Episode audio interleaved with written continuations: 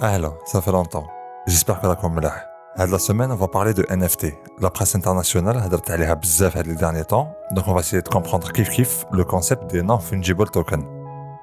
Je tiens à rappeler que cet épisode a été réalisé en partie grâce à l'aide du programme ASWAT, organisé par l'Institut GOT. Donc on les remercie. معكم رضا ومرحبا بكم في Future Decoded.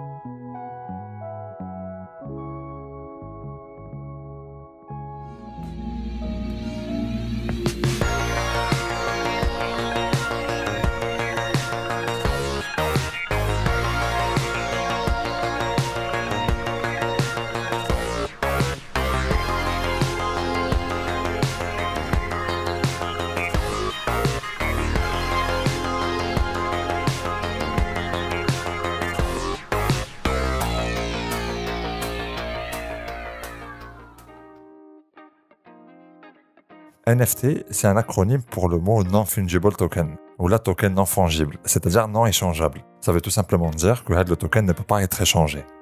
La technologie est basée sur la blockchain et sur les crypto-monnaies. Et Bedel suis le monde l'art depuis le début de l'année. Les jetons servent à authentifier des images ou n'importe quel objet sur Internet.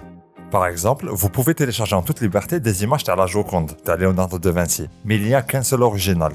Et un NFT permet de certifier que vous possédez bel et bien l'original.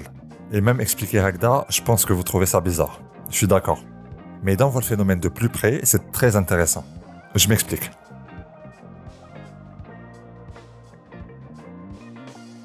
Les NFT permettent d'authentifier potentiellement tout ce que vous créez sur Internet. Pour l'instant, les internautes se servent surtout de ça pour vendre leurs créations certifiées, et donc pour créer une sorte de marché de l'art virtuel.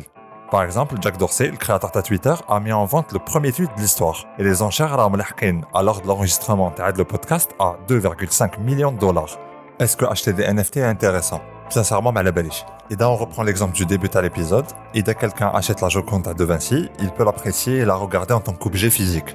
Mais à l'art numérique, une copie est aussi bonne que l'original.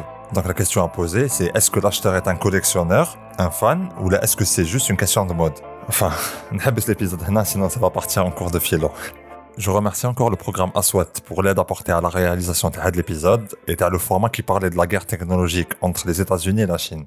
Et dame smaatosh, vous sur la chaîne, donc n'hésitez pas. Et عجبكم راكم تسمعوا Future Decoded sur Apple Podcast, n'hésitez pas à mettre 5 étoiles et commenter. Et de راكم تسمعوا le podcast sur Spotify ou la Deezer, n'oubliez pas de le partager. Et de راكم تسمعوا sur YouTube, vous pouvez liker, commenter et partager. C'était Reda et à la semaine prochaine.